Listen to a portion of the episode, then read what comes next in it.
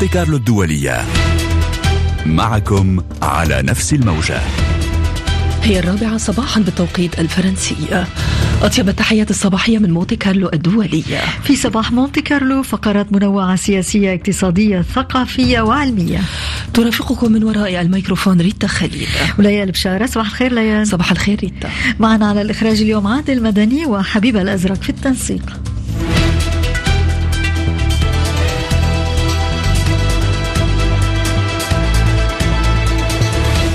نستهل هذه الفترة بأولى نشراتنا الإخبارية. معك ليال بشارة. تأتيكم مستهلة بأبرز العناوين. مجلس الحرب الإسرائيلي يوافق على إرسال وفد إلى باريس للتفاوض على هدنة جديدة مع مدير وكالة المخابرات المركزية الأمريكية. بحضور نظيره المصري ورئيس الوزراء القطري تزامنا مع تواجد وفد عن حركة حماس في القاهرة. عقوبات أمريكية مرتقبة اليوم بعد أخرى بريطانية عشية الذكرى الثانية على بدء الغزو الروسي لأوكرانيا.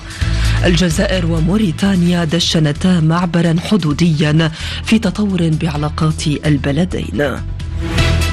مونتي كارلو الدولية نشرة الأخبار.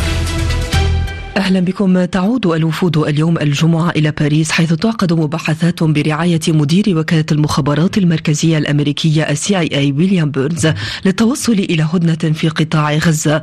مهد لها مبعوث الرئيس الأمريكي بريت ماكغورك بمحادثات أجراها يوم أمس الخميس في إسرائيل.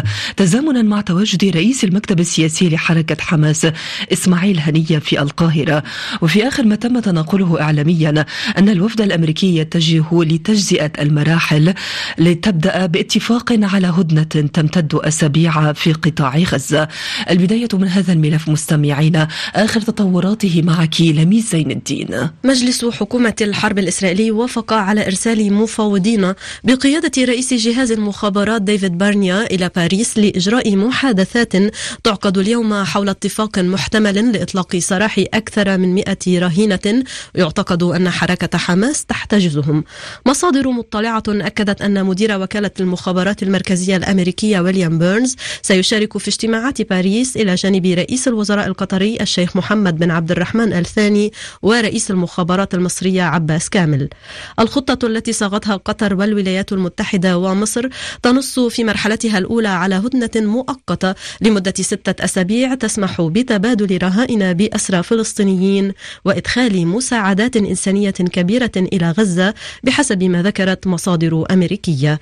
في حين تطالب حماس من جهتها بوقف إطلاق نار دائم وانسحاب القوات الإسرائيلية من غزة إلى جانب إنهاء الحصار الإسرائيلي المفروض على القطاع منذ عام 2007 كما توفير مأوى آمن للنازحين. هذا فيما عرفت مدينة رفح في أقصى جنوب قطاع غزة بالساعات الماضية. قصفا وصف بأنه الأعنف واستهدفت ضربة إسرائيلية مسجد الفاروق وسط المدينة وتحطمت واجهات المباني المجاورة.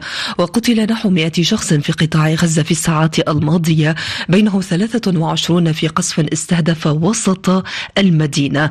وفي واحد من المؤشرات الأولى على رؤية إسرائيل لكيفية إدارة القطاع بعد الحرب فيه قال مسؤول إسرائيلي كبير. إن إسرائيل تتطلع إلى فلسطينيين ليس لهم أي صلة بحماس أو السلطة الوطنية الفلسطينية لإقامة إدارة مدنية في جيوب إنسانية بقطاع غزة.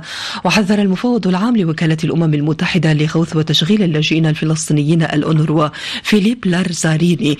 في رسالة وجهها إلى رئيس الجمعية العامة للأمم المتحدة من أن الوكالة وصلت إلى نقطة الانهيار. الحرب الإسرائيلية دخلت يومها المئة والأربعين.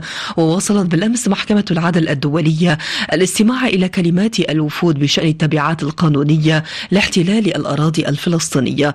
وقال مندوب الصين إن وقف إطلاق النار فورا رغبة مشتركة مشتركة عبر عنها المجتمع الدولي. المزيد من لهاي مع موفدنا موسى عاصي. كان يوم الصين بامتياز في اليوم الرابع من أعمال محكمة العدل الدولية في لاهاي. استخدام السلاح من قبل الفلسطينيين ضد الاحتلال الإسرائيلي حق مشروع تكفله القوانين الدولية كما قال مدير العلاقات القانونية في الخارجية الصينية. مساعد وزير الخارجية الإيرانية للشؤون القانونية رضا نجفي طالب في مرافعة بلاده أمام المحكمة مجلس الأمن الدولي باتخاذ قرار تحت الفصل السابع من من أجل وقف تصدير الأسلحة إلى إسرائيل فيما طالب العراق بمحاسبة قادة إسرائيل على الجرائم المرتكبة قديما وحديثا. ممثل دولة الكويت أحمد إبراهيم الظريفي الذي بدأ متأثرا أثناء الحديث عن الضحايا في غزة دعا المحكمة لإنصاف الشعب الفلسطيني الذي يعاني من عقود طويلة من الاحتلال والانتهاكات. أما ممثل لبنان السفير عبد الستار عيسى فقال إن إسرائيل تمارس الإبادة الجماعية بحق الفلسطينيين. اتهام كرره وزير الخارجية الأردنية أيمن الصفري الذي قال إن لا كلمات تصف بربرية العدوان الإسرائيلي على غزة. موسى عاصي لهاي مونتي كارلو الدولية. وفي آخر ردود الفعل الدولية أيضا أعلنت البرازيل يوم أمس في ختام اجتماع وزراء خارجية مجموعة العشرين أن الدول الأعضاء تدعم بشكل عام حل الدولتين. وعرفت الضفة الغربية تصعيدا في أعمال العنف حيث قتل شاب فلسطيني وأصيب آخرون في قصف إسرائيلي استهدف مخيم جنين للاجئين. وفي إسرائيل سقط أمس قتيل وأصيب آخرون أيضا في إطلاق نار. وقع قرب مستوطنة معالي أدوميم.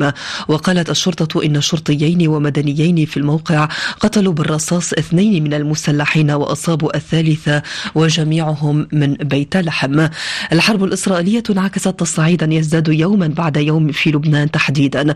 وجدد رئيس الوزراء الإسرائيلي بنيامين نتنياهو بالأمس تهديده بعمل عسكري لإعادة الأمن على الحدود مع لبنان.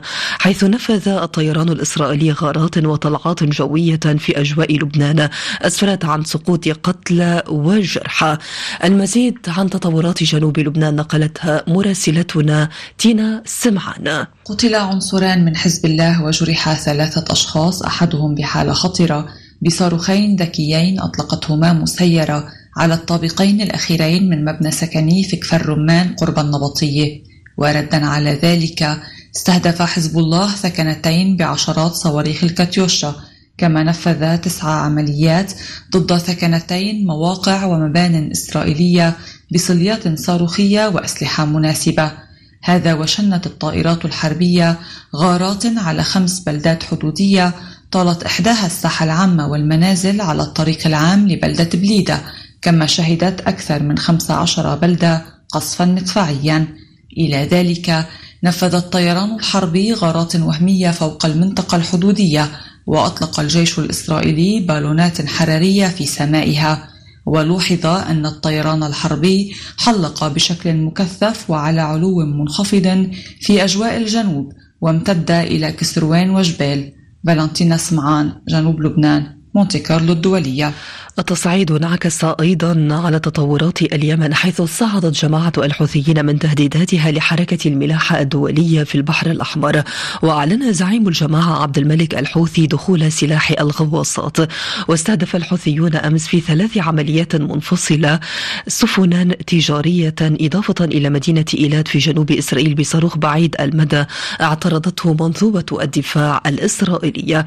المزيد من من صنعاء مع مراسلين زميلنا محمد السماوي. أعلنت قوات صنعاء الحوثيين تنفيذ ثلاث عمليات عسكرية على أهداف لمواقع إسرائيلية في أم الرشراش واستهداف سفينة بريطانية في خليج عدن وكذا استهداف مدمرة أمريكية في البحر الأحمر. وأوضح المتحدث الرسمي للقوات المسلحة اليمنية في آخر بيان له أن العملية الأولى إطلاق القوة الصاروخية وسلاح الجو المسير عددا من الصواريخ البالستية والطائرات المسيرة على أهداف مختلفة لمواقع إسرائيلية في منطقة أم الرشراش. وأشار إلى أن العملية الثانية للقوات البحرية استهدفت سفينة بريطانية في خليج عدن أصابتها بشكل مباشر. وأفاد البيان أن العملية الثالثة استهدفت مدمرة أمريكية في البحر الأحمر بعدد من الطائرات المسيرة ولفت إلى أن عمليات القوات المسلحة اليمنية تأتي انتصارا لمظلومية الشعب الفلسطيني وضمن الرد على الغارات الأمريكية والبريطانية على اليمن بحسب البيان.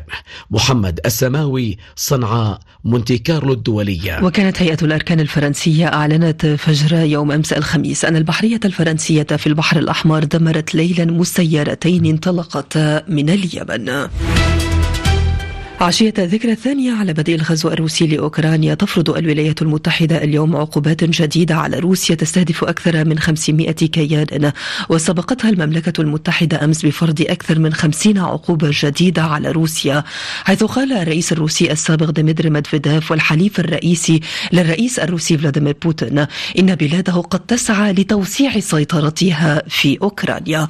إيزي جريس الرئيس الروسي السابق ونائب رئيس مجلس الأمن الروسي ديمتري ميدفيديف قال إن القوات الروسية سوف تتقدم أكثر في أوكرانيا حتى تسيطر على مدينة أوديسا الجنوبية بل وربما تتقدم ذات يوم إلى العاصمة كييف. وقال إن الروس والأوكرانيين أمة واحدة وإن الحكومة الأوكرانية ينبغي أن تسقط. وكان الرئيس الروسي فلاديمير بوتين قال الثلاثاء الماضي إن القوات الروسية سوف تتوغل داخل أوكرانيا لتعزيز تقدمها في ساحة المعركة. Amerika بعد سقوط بلدة أفديفكا مطلع الأسبوع حيث اضطرت القوات الأوكرانية إلى الفرار وسط الفوضى.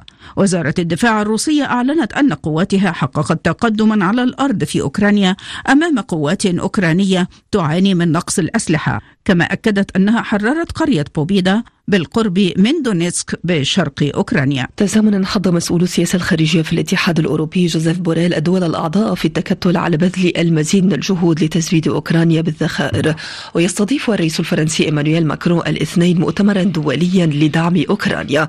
يقوم وزير الخارجية الفرنسي ستيفان سيجورني بزيارة إلى المغرب في الأيام المقبلة فيما يحاول البلدان الخروج من الجمود الذي طغى على العلاقات الثنائية في السنوات الأخيرة. واستقبلت السيدة الفرنسية الأولى بريجيت ماكرون قبل أيام شقيقات العاهل المغربي في قصر الإليسي.